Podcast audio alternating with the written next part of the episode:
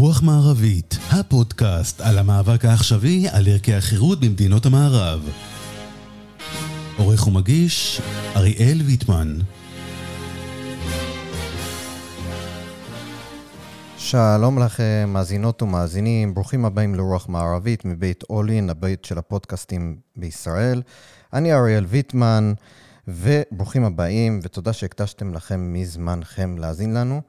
אמ, אז ככה, אני, היום נדבר על החברה הערבית בישראל, וצריך להגיד שהחברה הערבית בישראל עוברת תהפוכות רבות ומנוגדות, במיוחד בשנים האחרונות. מצד אחד, תופעה של שילוב נרחב בכלכלה ובחברה והתקרבות בין אוכלוסיות אמ,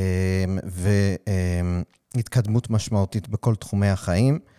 אמ, ומצד שני, אנחנו רואים את תופעת הפשיעה והאלימות בחברה הערבית, אה, בעיקר מצד ארגוני פשיעה שככה אה, ממש, אה, גם בגלל, הזנח, בעיקר בגלל הזנחת המדינה ורשויות החוק ככה חוגגות בחברה הערבית, וזה יוצר ממש סיפורים קורעי לב, וככה, אנחנו עוד נדבר על זה עם האורח שלנו.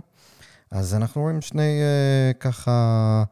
תהליכים מנוגדים, מצד אחד השתלבות, מצד שני איזושהי אה, אפליה ותחושת, אה, אפילו תחושת קיפוח בקרב רבים שרואים שהשכנים היהודים חיים בבטחה יחסית, ואצלהם אה, ממש אה, האלימות אה, ברחובות אה, יחסית אה, נרחבת.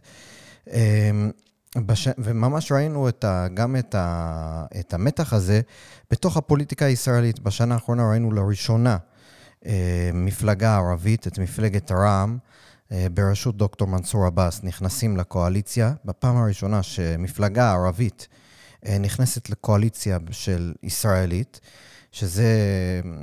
אי אפשר, אפשר להתכחש לעובדה שזו מהפכה בתפיסת הפוליטיקה בקרב ההנהגה הערבית בישראל. ומצד שני ראינו מפלגות אחרות, מפלגות ערביות האחרות, שמאוד מאוד ככה ישבו בחוץ זרקו אה, הערות, מה שנקרא, והפריעו לעבודה. אה, אז ראינו ככה את שני התופעות המנוגדות האלה, גם ראינו שכמה אה, אנטגוניזם זה יצר בקרב קבוצות מסוימות בחברה הישראלית, שהם מאוד מאוד התקשו ומתקשים עדיין לקבל את העובדה שמפלגה ערבית פתאום רוצה להשתלב ורוצה לקחת אחריות מבפנים, ולא רק מבחוץ, ככה על הדברים. אז אנחנו ככה, עכשיו אנחנו, למיטב, למיטב הבנתי, מה שמעניין ב, לפני שאנחנו מציגים את האורח שלנו, זה שישבה פה מפלגה ערבית בישראל בתוך הקואליציה, בפעם הראשונה בהיסטוריה של מדינת ישראל, ומעולם לא דיברו עם המנהיג, עם המנהיג שלה. למיטב הבנתי, כל הרעיונות עסקו בתשב עם זה, לא תשב עם זה, מה אמרו לך, מה לא אמרו לך, אבל לא דיברו יותר מדי על תפיסת העולם הבסיסית של המפלגה הזו, לא דיברו על מה, מה היא רוצה להשיג, מה בעצם, במה היא מאמינה. אה, ואני חושב שזה נושא שהוא חשוב. כי בין אם רע"מ לא תהיה בקואליציה הנוכחית, היא כן תהיה אה, המפלגה, בין, כיום היא המפלגה הגדולה ביותר בכנסת, המפלגה הערבית הגדולה ביותר בכנסת, והיא צפויה אה, להישאר שם. אז כדאי מאוד שנדע במה הם מאמינים. אז, אז אני חושב שאין ראוי יותר מכדי לשאול את השאלות האלה את דוקטור מנסור עבאס. אה, מנסור, ברוכים הבאים לרוח מערבית, תודה שאתה איתנו. שלום לך, אראל. אה, בשמחה, אנחנו אה, נקיים את הדיון הזה בלב ובראש פתוח. תודה רבה. אני רוצה לשאול אותך, מנסור, קודם כל, ולפני שניכנס ככה לעומק, מה, אתה, יש לך עכשיו ניסיון של שנה שאתה היית חבר בקואליציה, בפעם הראשונה מפלגה ערבית שנכנסה הם היו כאלה שאמרו, הניסוי, הניסוי נכשל, אחרים אמרו, הניסוי דווקא רק התחיל, ולא נתנו לזה זמן להבשיל. איך אתה, בראייה לאחור, שעכשיו כנראה בקרוב תהיה כאן ממשלה אחרת, שאתם לא תהיו חברים בקואליציה שלה, איך אתה מסתכל על, על הניסוי הזה? תראה, אם היית שואל את אזרחי מדינת ישראל, האם זה ראוי בעיניכם שתקום אה, או שתיבנה שותפות אה, יהודית, ערבית, אזרחית, פוליטית ולא פוליטית. אני מאמין שרוב רובם של אזרחי המדינה, יהודים וערבים, היו אומרים שכן. נכון. עכשיו, נקודה ראשונה בהערכת התהליך, לדעתי הוכחנו שאפשר לעשות את זה. כאילו, זה, הנושא הזה, או, או, אי אפשר עוד לדבר על הדבר הזה כמשהו תיאורטי, אלא הוכחנו שאפשר לבנות קואליציה, ממשלה שתתפקד במשך שנה ומשהו, mm-hmm. בשותפות עם, חברה, עם מפלגה ערבית, בנוסף למפלגות הציוניות. עוד הוכחנו שגם הקצה של הימין יכול לשבת עם הקצה של השמאל, הציוני. כן. באותה קואליציה, מרץ מצד אחד וימינה מצד שני. ולכן, מבחינה זו, מבחינה פוליטית, התהליך הזה משליך את עצמו לא רק על היחסי יהודים-ערבים, אלא גם על תוך החברה אה, הישראלית כולה, גם תוך החברה היהודית וגם בתוך החברה הערבית עצמה. עכשיו, אני לא, עדיין, אני חושב שמוקדם להגיד שהתהליך הזה מיצה את עצמו או לא, הצליח או לא. היו לנו המון הישגים בתחומים שונים, לא רק ברמה הפוליטית של להוכיח שאפשר לעשות את זה, אלא גם ברמת התפקוד היומיומי. אמנם שהתחלנו מנקודה, אני לא אומר שזאת נקודת אפס, אלא מתחת לאפס. אני עצמי, מנסור, נכנסתי לקואליציה הזאת ולכנסת בכלל, והמודעות שלי על מה זה מדינה, איך מתפקדת מדינה, איך מתפקדת ממשלה, איך מתפקדת כנסת. Uh, המודעות הייתה מאוד מאוד uh, צנועה, mm-hmm. ולכן זה גם השליך את, את עצמו על התפקוד שלנו, מה זה קואליציה, איך מתפקדת קואליציה, ולקח לנו גם זמן להתרגל לזה, לפתח וללמוד uh, שיטות, איך אנחנו פועלים. וכמובן שהיו לנו אתגרים עצומים לגבש תוכניות כלכליות, חברתיות, נגד פשיעה ואלימות וכולי וכולי, ובכל זאת הצלחנו לעשות את זה. כן. ויש לנו המון החלטות שקיבלה הממשלה והכנסת, חוקים, והתחלנו ליישם אותם. ולכן אני אומר, אם אנחנו רוצים למדוד את מידת ההצלחה, וזאת בעצם הביטוי הנכון, לא הצלחה או כישלון. כן. יש הצלחה בסיסית, אבל אנחנו שואלים מה מידת ההצלחה של התהליך הזה. ייקח לנו עוד זמן כדי לתת תשובה, אפילו שנים, כי כולם תוכניות חומש וכולי, וגם אנחנו לא יודעים בדיוק איפה התמיכה אה, הציבורית בתהליך הזה תעמוד. האם עכשיו הציבור הישראלי כולו, יהודים וערבים, מעכל את הנושא הזה, מפתח גם אה, אה, עמדה יותר אה, פרגמטית כלפי הנושא הזה, או שיחזור לאותן עמדות אה, דוגמטיות שהיו בעבר, שאי אפשר שכל אחד צריך להישאר בעמדות הבסיסיות שלו, ב, בגישה הישנה שלו וכולי. ולכן לדעתי אנחנו אתגרנו את עצמנו כולנו, גם יהודים וגם ערבים, ומכאן רק לדעתי אפשר להתפתח, ואני יכול להגיד שהתהליך עדיין, למרות שהקואליציה התפרקה. ואנחנו אה, כרגע נמצאים בעמדת של אופוזיציה לכאורה, אז אני חושב שהתהליך ברמה עקרונית נמצא עדיין בעיצומו, ונועדים לו עוד אה, אה, צעדים או אה, שלבים שהוא יכול להתקדם הלאה, ולהיות חלק טבעי מהנוף הפוליטי ומהתרבות הפוליטית בישראל. יש לי שאלת ככה, המשך, בעיניי המשך. מה בעצם מפלגת רע"מ, מה...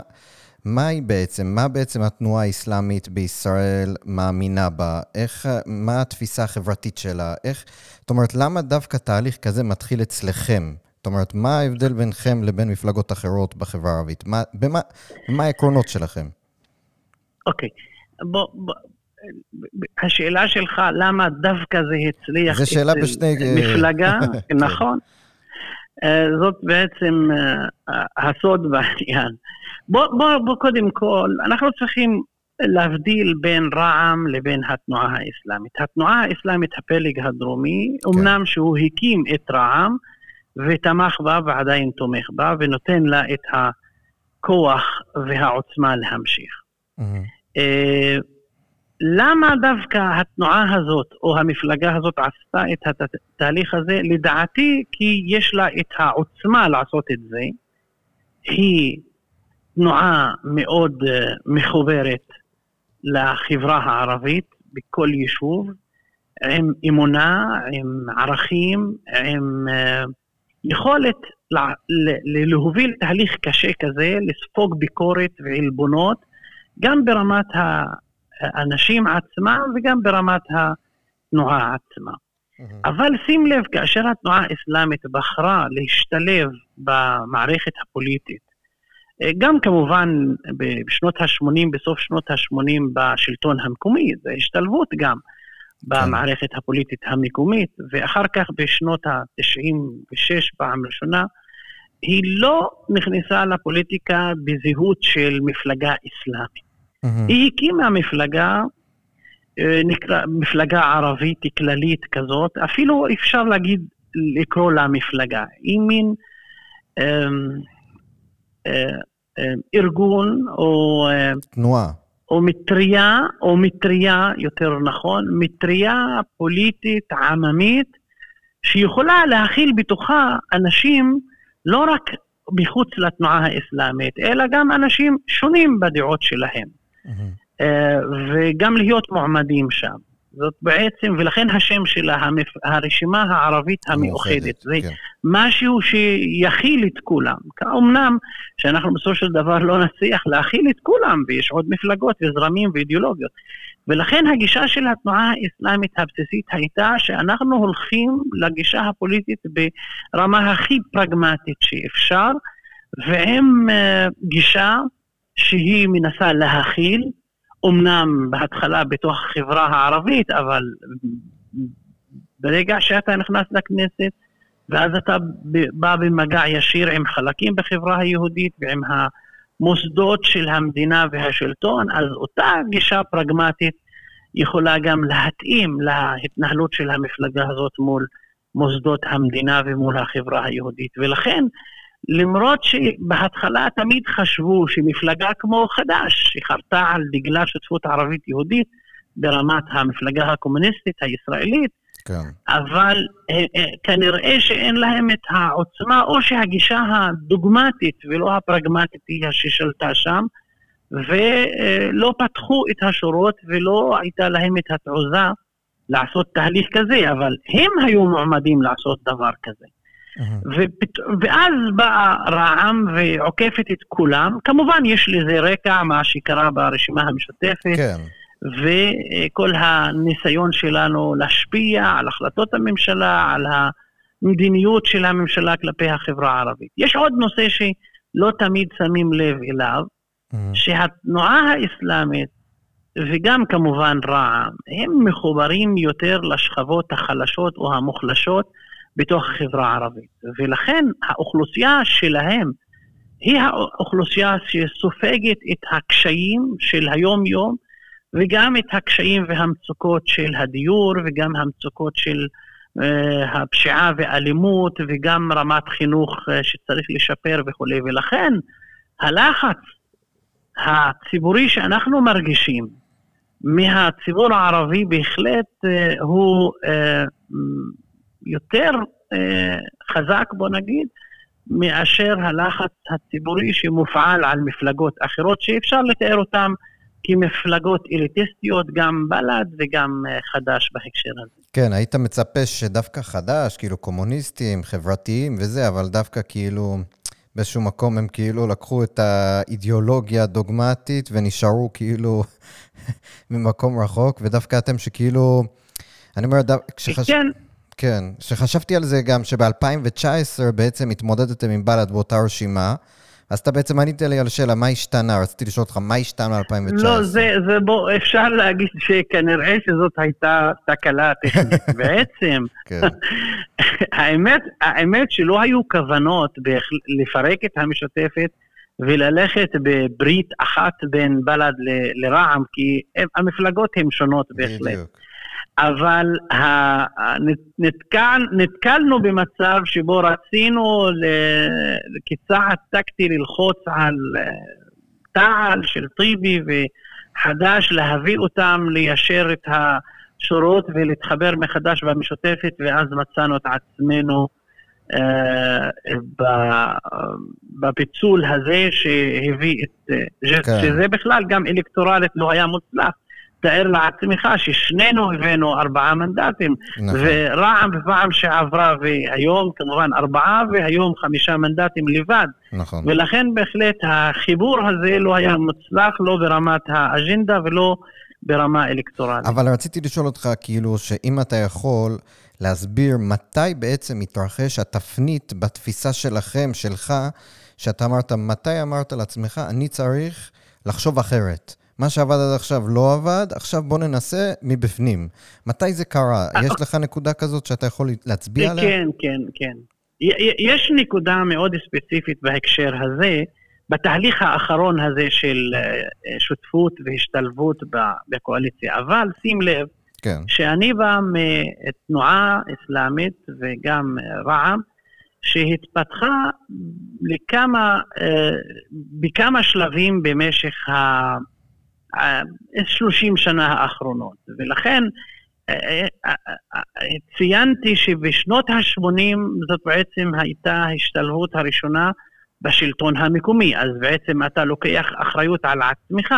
נכון. ולפני כן העמדה הייתה מאוד שלילית, אנחנו לא צריכים להיות שם, ופתאום התנועה, אז לא הייתה רע"מ, התנועה האסלאמית מחליטה שלא, אנחנו לוקחים אחריות על ה...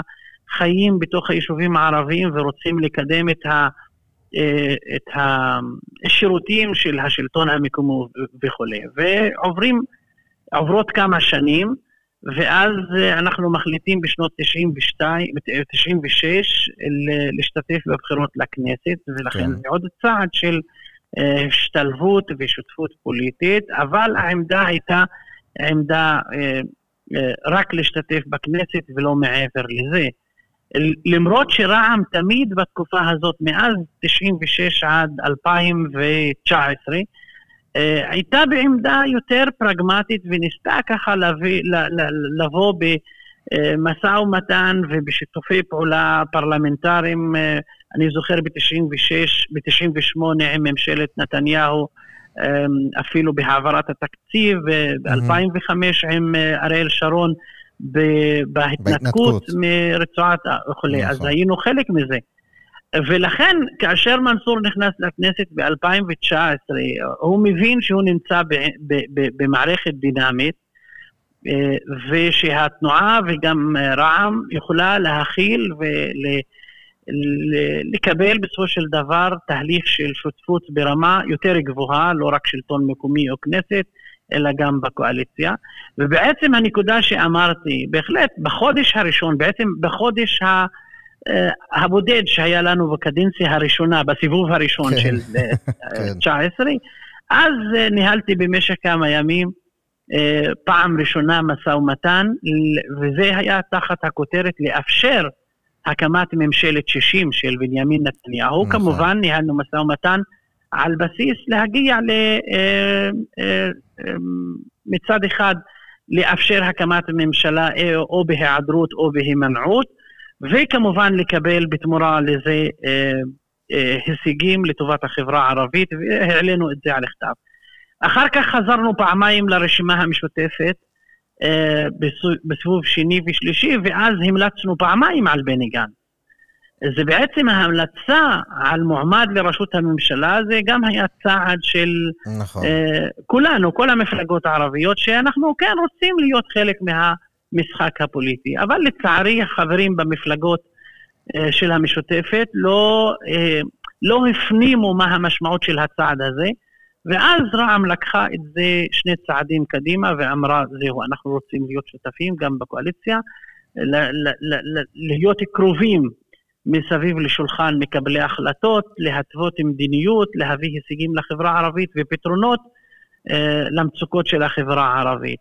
ולכן זה בעצם הקיצור של התהליך, זה אה, ש, שהתפתח, וכמובן התמיכה הציבורית אפשרה לנו את זה, קיבלנו פעם ראשונה ארבעה מנדטים, ופעם שנייה היום אנחנו עם חמישה מנדטים, ולכן הגישה הזאת מתחזקת בחברה הערבית.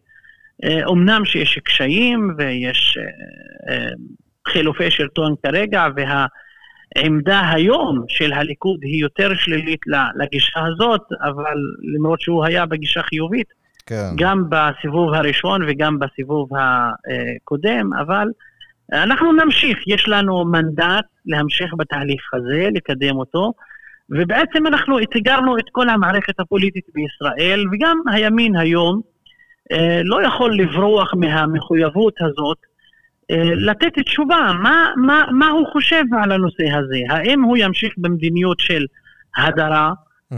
של הפוליטיקה הערבית מתוך הפוליטיקה הכלל-ישראלית, או שהוא פותח דלתות כדי לאפשר למפלגות הערביות, מי שרוצה כמובן, לקחת חלק ובעצם לקחת אחריות אה, כן. ולהיות חלק מהפתרון ולא רק uh, להעלות דרישות ולצפות שאחרים יביאו פתרונות לחברה הערבית. נכון. אז יש לי משהו ככה, אם אנחנו נעבור מהעקרונות של... Uh, של מה שעשיתם בשנים האחרונות. הייתי רוצה לשאול, מה בעצם המדיניות הכלכלית שאתם מאמינים בה? אתם יותר, נקרא לזה, יותר קרובים לחדש בעמדות הכלכליות, יותר שמאל כלכלי, או שאתם יותר מאמינים בקפיטליזם עם אה, מדינת רווחה, יותר, אה, כאילו, תוך כדי? מה, מה, אף, אף פעם לא שמעתי אותך לא, מתייחס לא, לזה. לא, אנחנו, כן, אנחנו לא נמצאים בשתי העמדות. אנחנו לא אה, סוציאליזם ואנחנו לא קפיטליזם.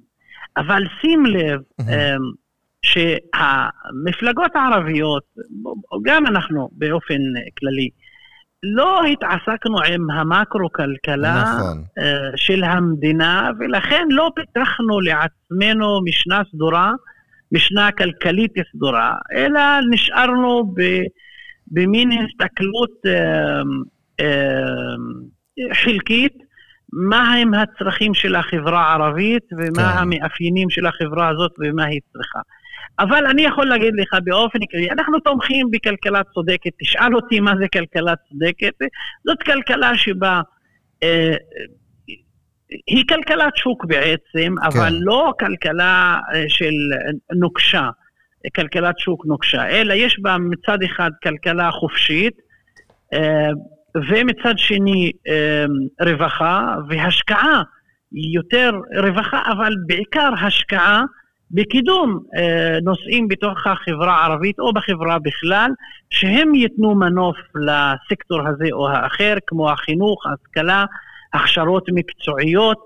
בעצם אנחנו אומרים, אנחנו רוצים שוויון, אבל שים לב שאם מדברים רק על שוויון, אנחנו מנציחים את אי השוויון. ולכן יש מקום לעשות כלכלה שמיטיבה אה, עם המוחלשים, כלכלה שמקדמת אה, אותם, נותנת להם כלים. Mm-hmm. אה, מין העדפה מתקנת, כמו שעשינו בעצם ההתבטאות ה, ה, ה, ה, ה, של הנושא הזה, בעצם התוכניות שקידמנו אותן. של סגירת, אה, של צמצום פערים, בתקווה לסגירת פערים בעוד תוכנית או שניים.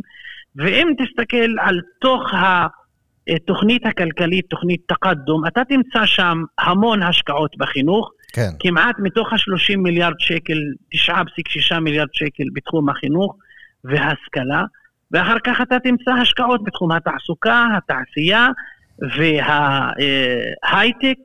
תוכנית חומש לקידום ההייטק בחברה הערבית, וכמובן יש רווחה, יש תכנון, שזה בעצם, אני תמיד אומר, הפקק האמיתי במדינה הוא לא הפקק בתחבורה, אלא הפקק בתכנון. לגמרי. Uh, ו- ולכן uh, זה שילוב של ליהנות משני העולמות, גם של שוק חופשי, uh, כלכלה חופשית, אבל גם כלכלה תומכת ומקדמת, ושים לב שבעצם ההתפתחות של החברה הערבית, המשמעותית הייתה בצל הכלכלה החופשית. נכון. אחרי שנות ה-80 והשחרור של ה, אה, כל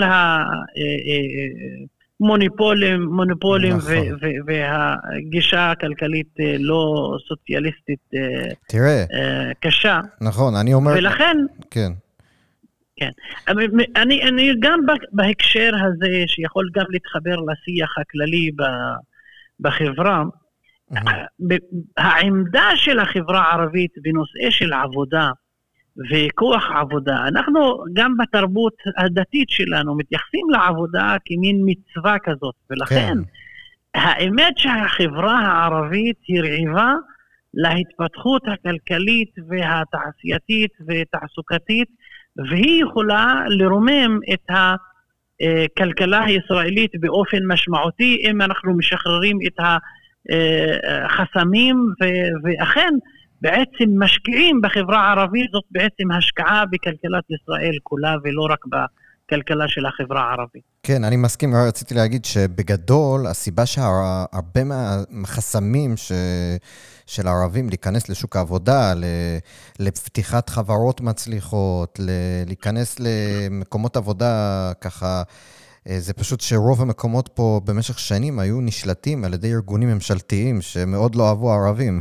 אז אה, ברגע נכון. שהפריטו אותם, היה הרבה יותר קל בגדול להיכנס, גם רואים את זה בנתונים.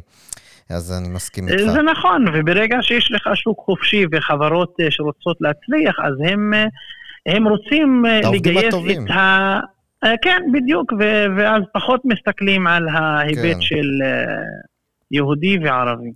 שאלה נוספת שמעניינת אותי, גם אתה מדבר על זה המון, זה האלימות ופשיעה בחברה הערבית. אימא שלי, למשל, היא רוקחת בקופת חולים כללית, היא בערך אה, ככה, כל העובדים שעובדים איתה הם ערבים וערביות, מכל האזור פה, אני- אני גר בפתח תקווה, אז אנחנו, יש לנו חברים כפר קאסם, כפר ברא, כל האזור הזה.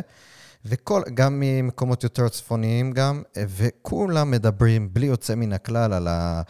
באמת הבעיה הזאת של האלימות ברחובות ובכל המקומות, ועל זה שבאמת אין תחושת ביטחון. אמ, ואתה דיברת על זה מיד בהתחלה, אתה, שאתה אמרת, אנחנו נכנסים קודם כל כדי לטפל באלימות ובפשיעה בחברה הערבית, וראיתי איתך את הרעיון עם דרוקר, גם דיברת על זה, ואתם אחרי שנה בקואליציה, אז קודם כל, מה בעצם עשיתם, איך, איך אתה מסתכל על זה קודם כל, ושאלת המשך, שזה קשור זה בזה, זה איך, מה אתה חושב שבממשלה הבאה יקרה? אנחנו כבר יודעים מי השר לביטחון פנים כנראה, אז כאילו, מה, איפה אתה רואה את הדברים, איך אתה רואה אותם מתפתחים?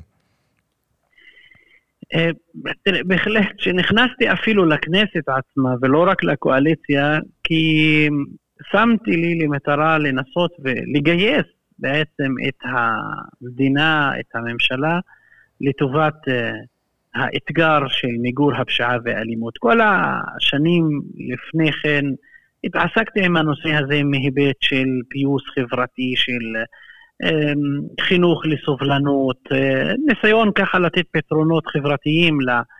אבל מאז שהפנמתי שהבעיה היא מאוד מאוד קשה והכלים החברתיים בתוך היישובים הם לא יכולים להתמודד עם פשיעה מאורגנת, אז אמרתי בוא, בוא, בוא ננסה לעשות משהו אחר. כן, Uh, כי השיח של חברי הכנסת הערבים, כולם, כמעט כולם במשך uh, השנים, היה רק שיח של לדרוש uh, שהממשלה או המדינה תעשה את חלקה, ואף אחד לא אמר שאנחנו צריכים לקחת אחריות ולהיות חלק מהפתרון. ולכן נכנסתי לכנסת ואז פעלתי כדי להקים ועדה מיוחדת למיגור הפשיעה והאלימות, ואכן עשינו את זה והתחלנו לעבוד uh, מול... Uh, ועדה של אה, מנכ"לים במשרדי הממשלה, זה היה בתקופתו של אה, נתניהו. גנץ. אה, נתניהו ואחר כך נתניהו גנץ, כן. אה, שניהם היו, ואז גיבשנו תוכנית אה, ממשלתית מקיפה בעלות של שניים וחצי כמעט מיליארד שקל. לצערי לא אישרנו אותה בתקופת אה, ממשלת נתניהו גנץ. התקבלה החלטה מאוד מוגבלת של 150 מיליון שקל, ואז אחרי שקיבלנו החלטה שאנחנו כן, בעצם זה, זה, זה אחד הנושאים שהובילו אותי- אותי לבוא ולהגיד, אני רוצה להיות שותף בקואליציה. כן. ואז ניהלנו משא ומתן, והדרישה הראשונה שהעלינו, לתקצב את התוכנית, לאשר אותה, ולהתחיל להפעיל אותה. ואכן עשינו את זה, חלק מהסכום הזה הולך ישירות לפיתוח וחיזוק של המשטרה ושלטונות החוק, וחלק גם לטפל בסוגיות החברתיות, החינוכיות, רווחה וכולי. אז יש שם שני ממדים. בעצם אנחנו אומרים, בעיית הפשיעה והאלימות היא לא רק עניין של אכיפה ושלטון חוק, גם, אבל יש נושאים, נושאי עומק, אה, שהביאו להתפתחות תופעה כזו. האם השגנו את המטרות? כמובן, אנחנו אומרים שאנחנו בתחילת הדרך. אני יכול להגיד לך שבממשלה הקודמת היה מאמץ מרמת של ראש הממשלה ושר לביטחון פנים, זה לא מספיק ששר אחד יטפל בסוגיה הזאת מההיבט המשטרתי. Mm-hmm. צריך ראש ממשלה שכל שבוע, שבועיים הוא עושה ישיבה, מביא את כל הגורמים, שואל אותם מה עשיתם, מה אתם עושים, איך אתם מקדמים את הדברים. כן. ואכן, אני יכול להגיד לך בשנה האחרונה, העקומה ש, שעלתה מדי שנה, אה, עקומה שבה יש שבעה שמונה פרמטרים של פשיעה ואלימות, התחילה לרדת, אמנם באחוז צנוע, אבל זה שינוי מגמה. אנחנו צריכים להמשיך, זו בעצם תוכנית חומש, אנחנו צריכים להמשיך ולהוסיף עוד כלים אה, גם למשטרה וגם לגורמים אחרים, כדי שנוכל להתמודד מול התופעה הזאת, שכבר אה, אה, אפשר להגיד, החברה הערבית עדיין מדממת. כן. וייקח לנו עוד המון זמן ומשאבים ו, ומעקב. מה שחשוב זה, זה, אתה צריך גורם בתוך הממשלה או בתוך הקואליציה שכל יום יפעל בנושא הזה. זה בעצם מה שעשיתי כל השנה האחרונה.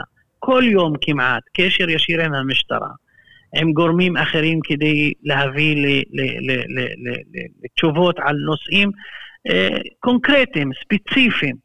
ממש לעקוב אחרי כל אירוע ואירוע, ולעבוד גם עם שר לביטחון הפנים וגם עם הסגן שלו, יואל סגולוביץ', ועם גורמים אחרים. זה בעצם היה מאמץ כביר שהתחיל לתת אה, קצת פירות, אבל לצערנו ההתפרקות שלה, או הפיזור של הכנסת הביא לקריסה מסוימת, אה, ש... כי ברגע שיש לך בחירות, וכולם, אפילו אני, הייתי צריך להתעסק במשך ארבעה-חמישה חודשים עם הקמפיין, הקמפיין וכולי, אז אין, אז, אז כל המשאב שיש לך, משאב הזמן נכון. והמאמץ אה, להמשיך ו, ו, וללחוץ ולעבוד בתחום הזה, אז אה, אין ספק שהולך למקומות אחרים.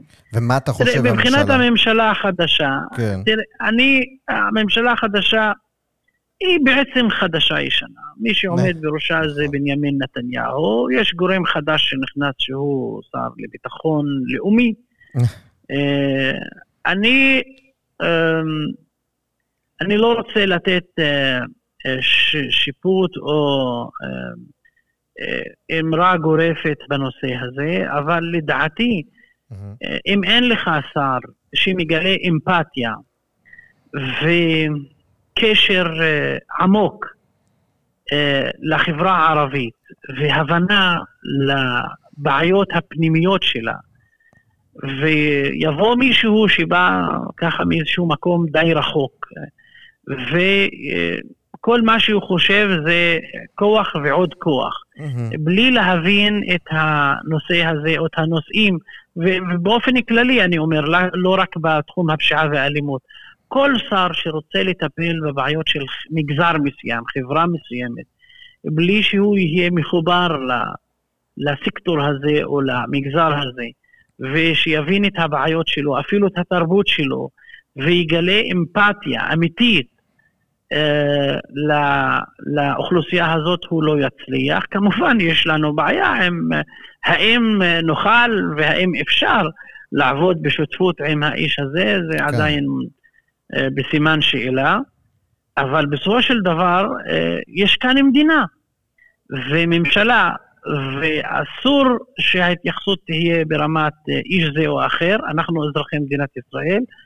החובה הראשונה של כל מדינה בעולם זה לתת ביטחון אישי לאזרחיה או לתושביה ולכל מי שנמצא, אפילו התייר שנכנס למדינה, המדינה חייבת לתת לו ביטחון אה, אישי. ו- ולכן הכתובת היא המדינה, הכתובת מוסדות המדינה, הממשלה, הכנסת. אה, ואני מאמין, אני, אני, אני, אני מקווה שלא תהיה לנו חזרה אחורה, אה, כי אנחנו ידענו ממשלות, במיוחד בראשות בנימין נתניהו מאז 2009 עד 2021, שכמעט המאמץ שעשו בתחום מיגור הפשיעה והאלימות הסתכם בשמונה תחנות משטרה מאוד מוגבלות בפעילות שלהם בתוך היישובים הערביים, וזה לא התקדם מעבר לזה, ולכן במשך כל שנות אה, כהונתו של נתניהו כראש ממשלה, לא השגנו דבר והתקדמות, אלא חזרנו אחורה ועקומת הפשיעה והאלימות אה, חזרה, אה, המשיכה לעלות עד שהגענו לשיא ב-2021. אמרת שיש גורמים שהם לאלימות, שזה קודם כל אמרת שזה אה, נושא של האכיפה ומשילות וכולי, אבל אמרת גם גורמים חברתיים. מה בעצם הגורמים שגורמים לפשיעה הזאת? הרי אני זוכר לפני 20 שנה, זה לא, אני, אני לא זוכר בדיוק, אבל אני לא זוכר שזה היה כל כך... אה, מדובר בצורה כל כך כאילו קיצונית, כמו שבשנים האחרונות. אה, אתה יודע, נכון. יש לך הערכה? אפשר להצביע, אוקיי, אפשר להצביע על שני כיוונים. ומי שרוצה ללמוד את הנושא הזה, אני מציע לו לחזור לדוח אה, ועדת המנכ"לים, מסמך מדיניות קוראים לו, למיגור או לצמצום הפשיעה והאלימות בחברה הערבית. והאמת ששם, בהקדמה, מנכ"ל משרד ראש הממשלה, אז רונן פרץ, אה, אה, אומר כן. במפורש ובצורה אמיצה, אומר שנכשלנו כממשלה, נכשלנו בהתמודדות מול התופעה הזאת. ואי אפשר לסכם אותה שהתרבות הערבית היא תרבות אלימה. עכשיו, מצד שני, אני, מנסור, כערבי, אני אומר לך, נכון, יש אלמנטים מאוד שליליים, אפילו בתרבות הערבית, שאנחנו כמובן טוענים שהיא, שהיא מחוץ לתרבות הערבית, אבל מה לעשות, יש מנהגים אצלנו שהם אה, נותנים ביטוי לאלימות הזה, כמו רצח על כבוד ה... אה, משפחה, כמו אה, פעולות נקם mm-hmm.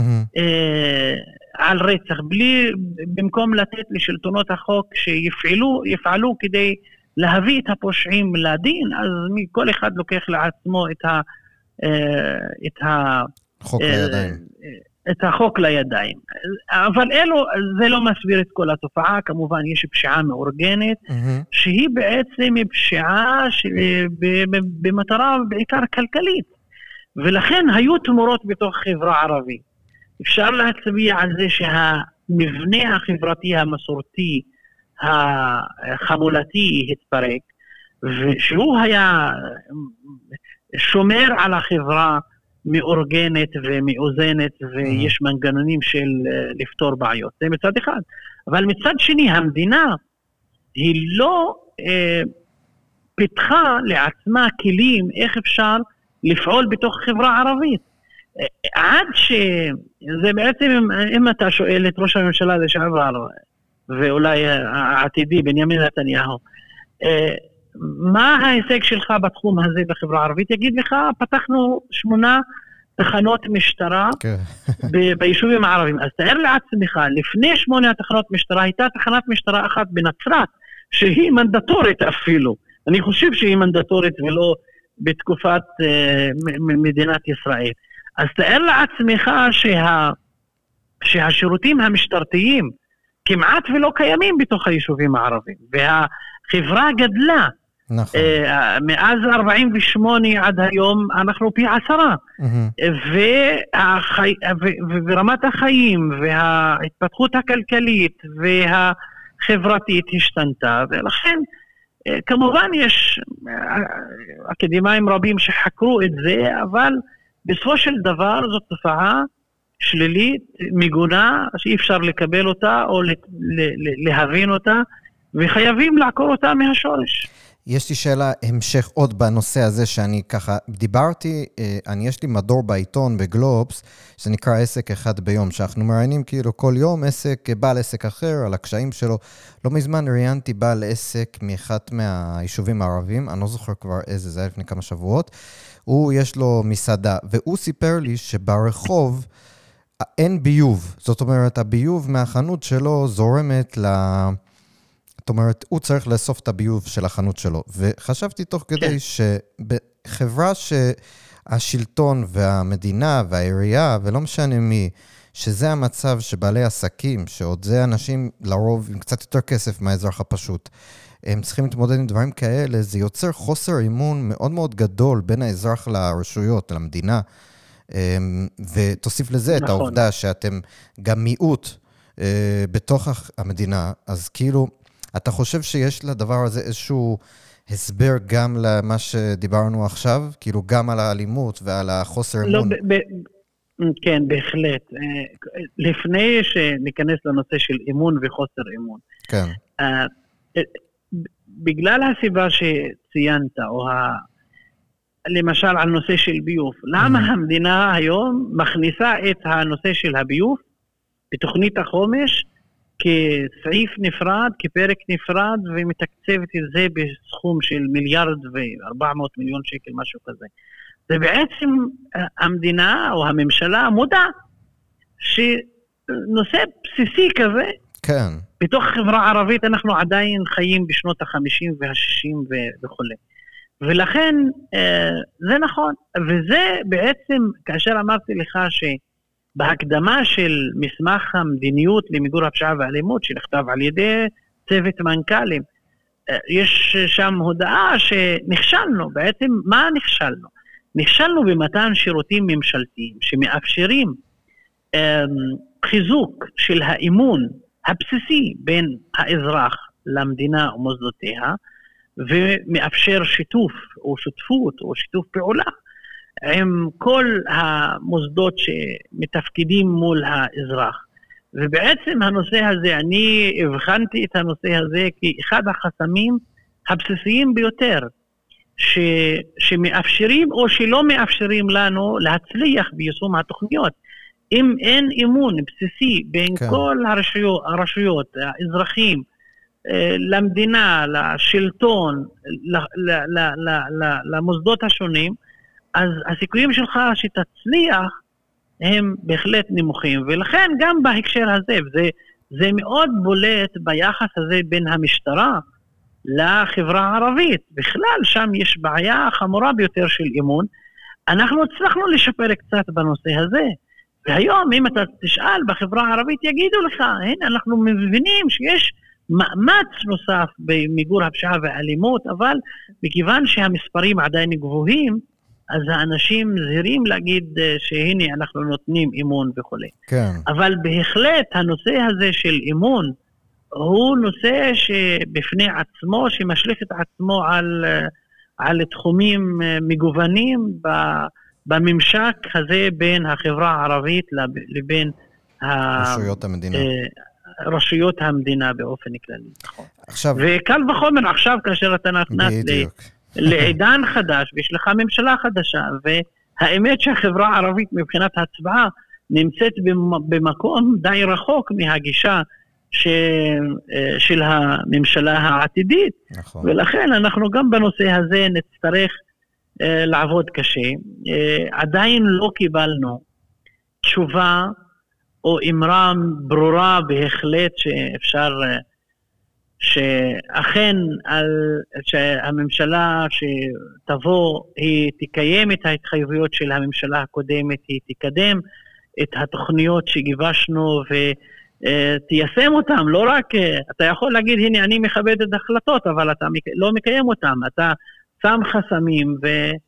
ולא מעביר תקציבים ולא מקדם אותם, ולכן עד עכשיו אנחנו, אין אמרה חד משמעית ברורה ש...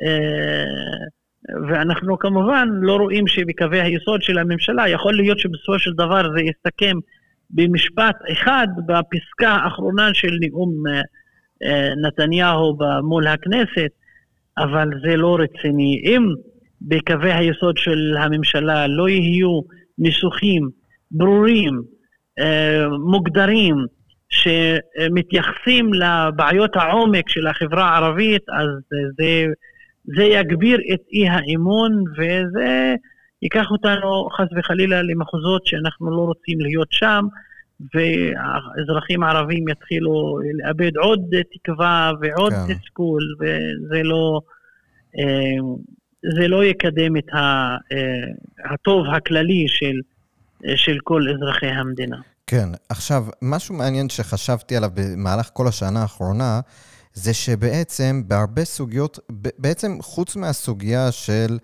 אה, הקונסטלציה הפוליטית שהביאה להקמת הממשלה והקואליציה שהייתם חברים בה, בעצם בהרבה מאוד נושאים אתם מאוד מאוד קרובים מבחינה חברתית למפלגות הדתיות והערביות, והחרדיות. אמ, למשל, בכל נושא, אה, אני זוכר שדיברו בהתחלה, אמרו, איך מרצ ישבו איתכם, זו העמדה שלכם על להט"בים וזה, והיה כל מיני דברים כאלה.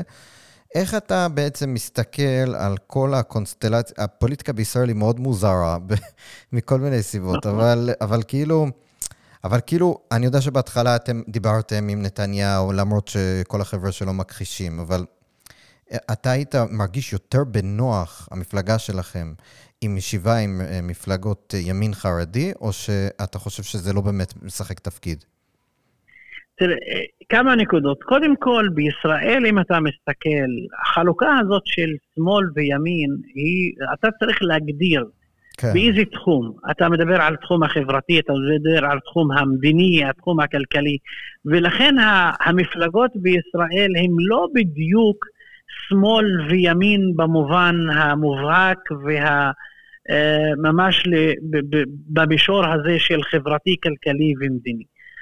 אה, ולכן אני בתחילת הדרך ממש אמרתי, אני לא מחובר לחלוקה הדיכוטומית הזאת של שמאל וימין, כן. ואין לי בכלל את הפריבילגיה הזאת לשחק את המשחק של שמאל וימין ב- בישראל. אלא אמרתי, אנחנו נבחרנו על אג'נדה שאנחנו רוצים לקדם את הנושאים של החברה הערבית, וגם בבחירות האחרונות. מה שאמרנו לפני הבחירות, אנחנו עושים אחרי הבחירות, ושמנו את הנושאים של החברה הערבית על, uh, בראש סדר העדיפות שלנו. ואם אתה רוצה לקדם את הנושאים האלו, אין לך ברירה. אתה חייב לבוא במגע עם הממשלה עצמה, כי המשטר, שיטת המשטר ב... בישראל, אמנם שהוא משטר פרלמנטרי, אבל אני קורא לו משטר ממשלתי. mm-hmm. לא נשיאותי, אין לנו משטר נשיאותי. משטר ממשלתי, בעצם הממשלה היא הנשיא, היא ששולטת בהכל, היא, שול, היא שולטת בכנסת עצמה. נכון, אין הפרדת רשויות. והשפעת הממשלה על הכנסת לאין שיעור גבוהה יותר מאשר השפעת הכנסת על הממשלה ומדיניות הממשלה. נכון. ולכן, אחת המסקנות ש, שיצאתי בהם, שאני צריך להיות איפה שיש אה, כוח ועוצמה והשפעה, אה, שזה בקואליציה ובממשלה. ולכן זה מביא אותי לנושא הזה שאני לא יכול עכשיו לבוא ולהגיד, אני רוצה לשחק משחק אופוזיציוני על מלא.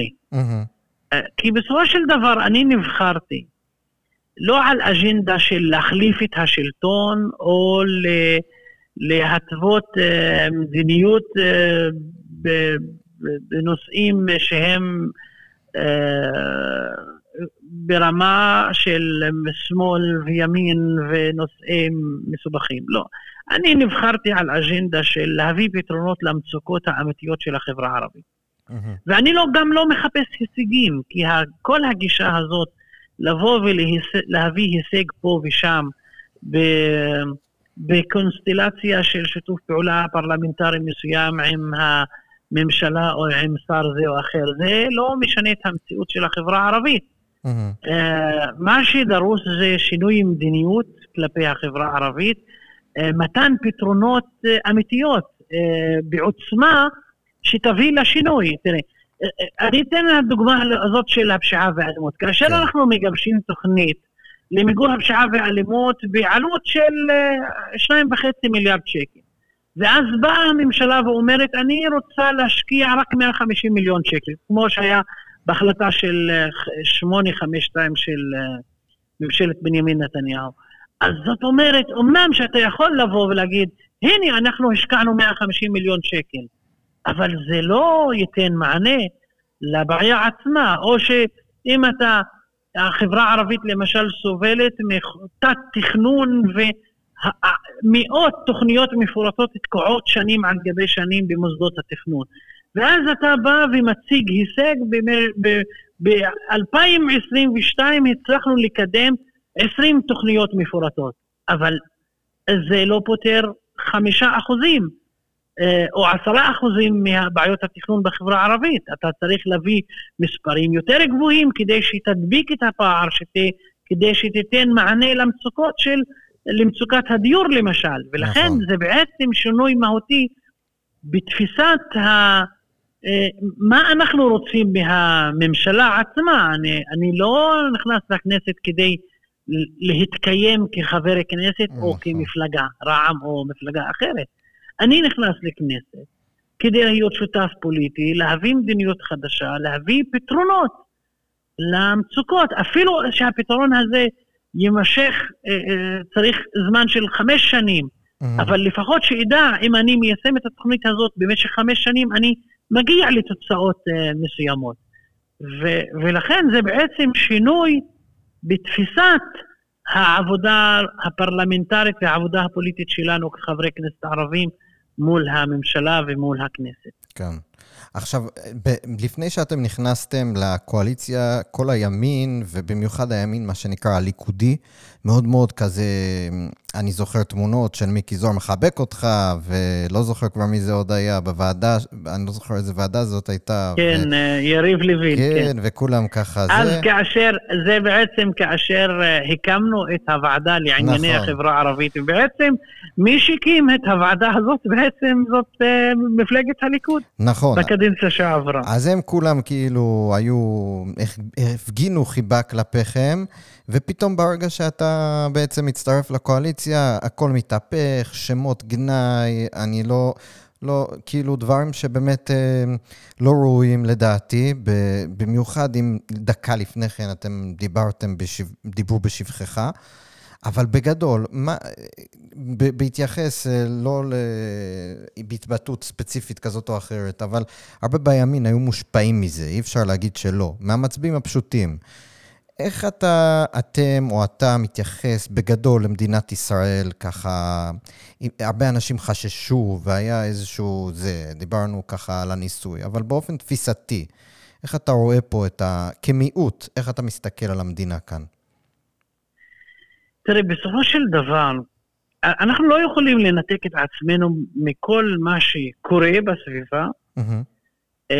או ביחסים של אה, יהודים ערבים או ביחסים בין ישראל אה, למשל אה,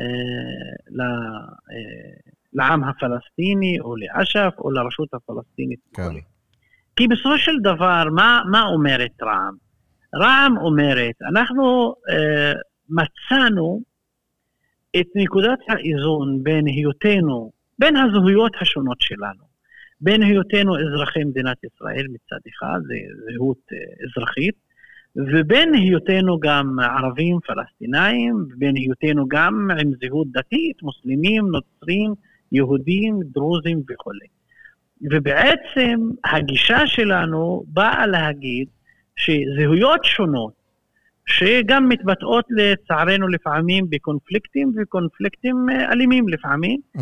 יכולות אה, לחיות ביחד, אה, לקיים מערכת שיש בה איזונים שונים, שבה כל צד מחפש את הטוב המשותף והכללי ומקיים את חלקו ומחויבותו בנושא הזה, ומסתכלים לא רק לעבר, אלא בעיקר מסתכלים לעתיד, כדי שנוכל uh, להתמודד עם uh, האתגרים ש, ש, שעומדים בפנינו ושה...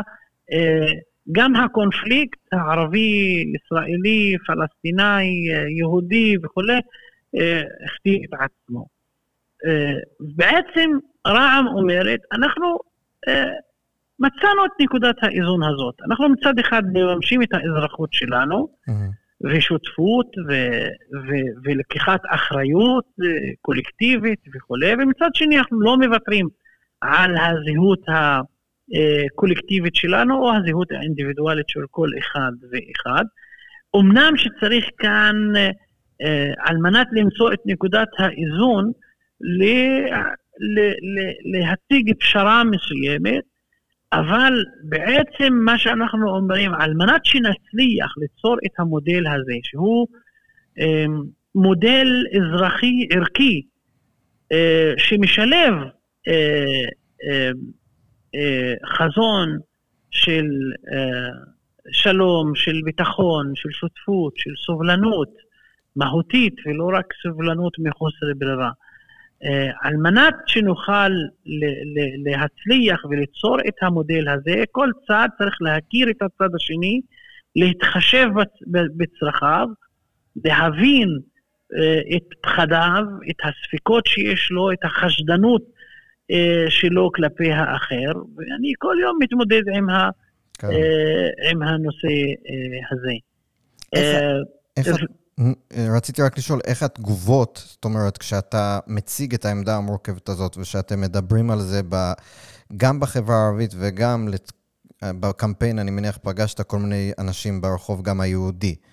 אתה מרגיש שהמסר מחלחל, שאתם מצליחים כאילו להעביר את זה? עובדה, עובדה אמפירית, אם אתה מסתכל על הנתונים בבחירות האחרונות, אין ספק שהחברה הערבית היא נתנה את המנדט לרע"מ, כן. ו- ולדעתי זה ימשיך להיות uh, בכיוון הזה, ועוד uh, אנשים בחברה הערבית uh, יפנימו את ה, uh, הגישה הפוליטית, הפרגמטית, הערכית, האזרחית של רע"מ. Uh, זה מצד אחד. מצד שני, אני חייב להגיד לך שכל מקום שאני נמצא בו, mm-hmm. אני גם מגלה שיש אמ, אה, אהדה אה, בקרב האזרחים היהודים למה שאנחנו מייצגים היום ומציעים, אה, וזה לא רק מכיוון אחד של המגרש הפוליטי הישראלי, לא, גם בימין, mm-hmm. ובעצם התהליך הזה התחלנו אותו עם הימין. ולכן יש אה, אה, גורמים רבים בר, בימין עד עכשיו מאמינים שזה היה נכון וזה צריך להיות, אה, לחזור ל, ל, ל, ל, ל, לתהליך הזה ולגישה הזאת. אמנם שהתנאים הפוליטיים היום השתנו ואני חושב שיש מציאות מסוימת שתוצאות הבחירות הכתיבו, אבל כן. בסופו של דבר ברמה עקרונית אנחנו, אנחנו, אנחנו נמצאים שם. לגבי התופעות השליליות שככה כן. ציינת אותן ב... תראה, גם בהקשר הזה יש, יש לדעתי יש שתי עמדות. אמנם שיש גורמים בימין שאכן מתנגדים התנגדות מוחלטת לשותפות פוליטית אזרחית יהודית ערבית, אבל יש כאלו שלהגיד לך שיש אה, אנשים בכירים מאוד בליכוד שאמרו לי, זה, זה. האינטרס האלקטורלי שלנו כן. לתקוף אתכם ולשים אתכם ב, שוב באותה עמדה של, אה, אה, של תומכי טרור או כן. דברים כאלו, זה יביא לנו ארבעה-חמישה מנדטים שאנחנו צריכים אותם כדי ש, שנחזור לשלטון. זה לא אישי. כן, אתה יודע מה, גם בשיחות שהיו לי, תמיד העליתי את הנושא הזה, למה הגישה הזאת צריכה להיות אה, חלק מה, מהשיח אה, הפוליטי של, אה, של אנשים בליכוד במיוחד. הם אומרים שזה... זה מביא אלקטורט. כאילו, אל תשים לב לזה, זה צורך פוליטי, לא מעבר לזה. כן. אבל זה בסופו של דבר פוגע בנו. ברור. אמנם... בסופו של דבר יש נתח באוכלוסייה, mm-hmm. גם היהודים וגם הערבים, אנשים שהם uh, מושפעים מהאמרות האלו ולוקחים בחשבון צריכים להכשיל מהלך כזה וכולי. אתה חושב, אבל... אתה חושב שלמשל, בגלל, אתם קיבלתם חמש מנדטים, חד"ש-תע"ל קיבלו, אני חושב, ארבע ובל"ד לא עברו. אתם כיום המפלגה הגדולה ביותר בחברה הערבית. אתה חושב שלמשל חד"ש ותע"ל ילמדו מכם, ינסו ככה קצת, אה, לא יודע, ללמוד מהמהלך וכן לנסות בפעם הבאה שזה אפשרי להשפיע מבפנים, או שהם כל כך דוגמטיים שהסיכוי אפסי? אמ, אני לא אופטימי בנושא הזה. לדעתי. חד"ש ותע"ל, המשותפת בכלל, עשו טעות נוראית, היסטורית. בעצם היו יכולים להציג עמדה יותר הוגנת כלפי החברה הערבית. כאשר יש לך מפלגה שהיא נמצאת בקואליציה ומקדמים החלטות לטובת החברה הערבית וסופגים ביקורת מאוד קשה, גם אנחנו, גם השותפים שלנו בקואליציה מהימין, שרוצה להפיל את הממשלה, נכון. לפזר את הכנסת, ואז המשותפת משתפת פעולה באופן אה, יומיומי ושבועי אה, כדי להביך, כדי להחליש, כדי לפרק את הקואליציה הזאת. בלי לשאול את עצמם את השאלה מה האלטרנטיבה שהם מציגים. הרי, ואמרתי את זה כמה פעמים, המדיניות הזאת של לפזר כל כנסת, לפרק כל ממשלה, אה, אין בה תכלית. Mm-hmm. ויש מפלגות ערביות שזאת המדיניות שלהם. כאילו, ואני תמיד שואל אותם, אוקיי, מה האלטרנטיבה שלכם? הנה, הצלחתם להפיל את רע"מ ולפזר את הכנסת. מה השגתם? את בן גביר. אה, אוקיי, כן. זה בעצם, ולכן הם צריכים לעשות חשבון נפש פוליטי, כן. ולא פוליטי גם. ובלי שיעשו את חשבון הנפש הזה, אני לא חושב שהם ישנו את הגישה שלהם. אה, פוליטיקה שאין בה תכלית. הם חתמו, בל"ד וחד"ש, על מסמך ארבעת הלאווים. לא למשחק של קואליציה-אופוזיציה, לא לגוש חוסם, לא להמלצה על מועמד לראשות הממשלה, לא להיכנס לקואליציה. אז מה כן? תגידו מה כן. מה כן? והיום בחברה הערבית, אמנם שמאוחר קצת, אה, עוד ועוד אנשים מבינים שהפוליטיקה הזאת לא תיקח אותנו רחוק ולא תיתן מענה לצרכים של החברה הערבית ולא תיתן או לא אופק ולא תקווה שהנה אפשר להתקיים ביחד כאן ולשמור אה, על אה, אה, חיים שהם מאפשרים לחברה הערבית גם להתפתח כן. להתקדם, וגם מאפשרים לרוב היהודי, לחברה היהודית, אה, להיפתח יותר, להקשיב יותר, להיענות יותר לצרכים של החברה הערבית, להבין אה, וכולי. לסיכום, מנסור, איפה אתה רואה את עצמך באופן אישי? אתה ממשיך כחבר כנסת בעשור הקרוב, איפה אתה רואה את עצמך בעוד עשר שנים? תראה, אני לא, אני, באמת, אמנם שיש לנו הגבלת אה, התמודדות אה, במסגרת רע"מ עד שמונה שנים, אה, משהו כזה, אבל אני האמת שלא רואה את עצמי, אה, כאילו, זה לא מקצוע מבחינתי, אני באתי עם שליחות מסוימת. כן. ומצד אחד אין ספק שהצלחתי להוביל תהליך פוליטי, אפילו אומרים היסטורי, חשוב, ש... שפותח דלתות ושערים בפני החברה הערבית וגם בפני החברה היהודית עצמה. Mm-hmm. אבל אני, אני לא רואה את עצמי משקיע את כל ימי חיי, או רובם, מה שנשאר לי, אני לא יודע כמה נשאר לי. אני לא רואה את עצמי שם בכל מחיר. חוץ מזה, אני, אני, בדעתי אפשר אה, למצות את עצמך במערכת הזאת במשך שמונה שנים, עשר שנים, ואם הצלחת, יהיו אנשים שימשיכו את הדרך הזאת, ואם לא הצלחת, אז תן הזדמנות לאנשים אחרים שיבואו, יובילו תהליך אחר, אה, יותר אה, מוצלח, יותר פורה. אבל אני לא, אני לא יכול להבטיח לך שבעוד עשר שנים או אפילו חמש שנים תמצא אותי בכנסת. לא, לא יכול להתחייב לזה. במרפאה ליד הבית. לא, גם לא. גם לא. לדעתי אני אהיה באיזשהו... אמ, מכון מחקר, משהו אני, כזה? אני אמשיך בחיים הציבוריים, אבל לא מעמדת אה, נבחר ציבור. גם הניסיון שרכשתי עד עכשיו ושארכוש במה שנותר לי, ייתן לי כלים ורעיונות, ובוודאי שאצא עם יוזמות שיכול להיות שחשיבותם לא אה, פחותה מהחשיבות של התהליך שאני מקדם בכנסת. יש המון מה לעשות גם מחוץ לכותלי אה, משכן הכנסת. זה בטוח. אמ, לפעמים יש הרבה יותר מה לעשות מבחוץ.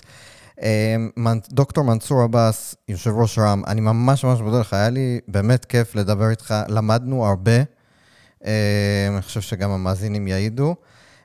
אז זהו, קודם כל תודה רבה לך שהסכמת לעשות לך, איתנו את הפרק תודה. המקיף הזה.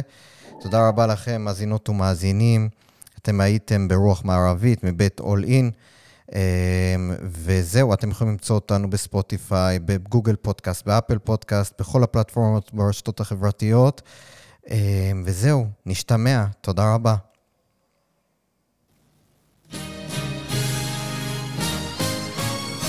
רוח מערבית, הפודקאסט על המאבק העכשווי על ערכי החירות במדינות המערב.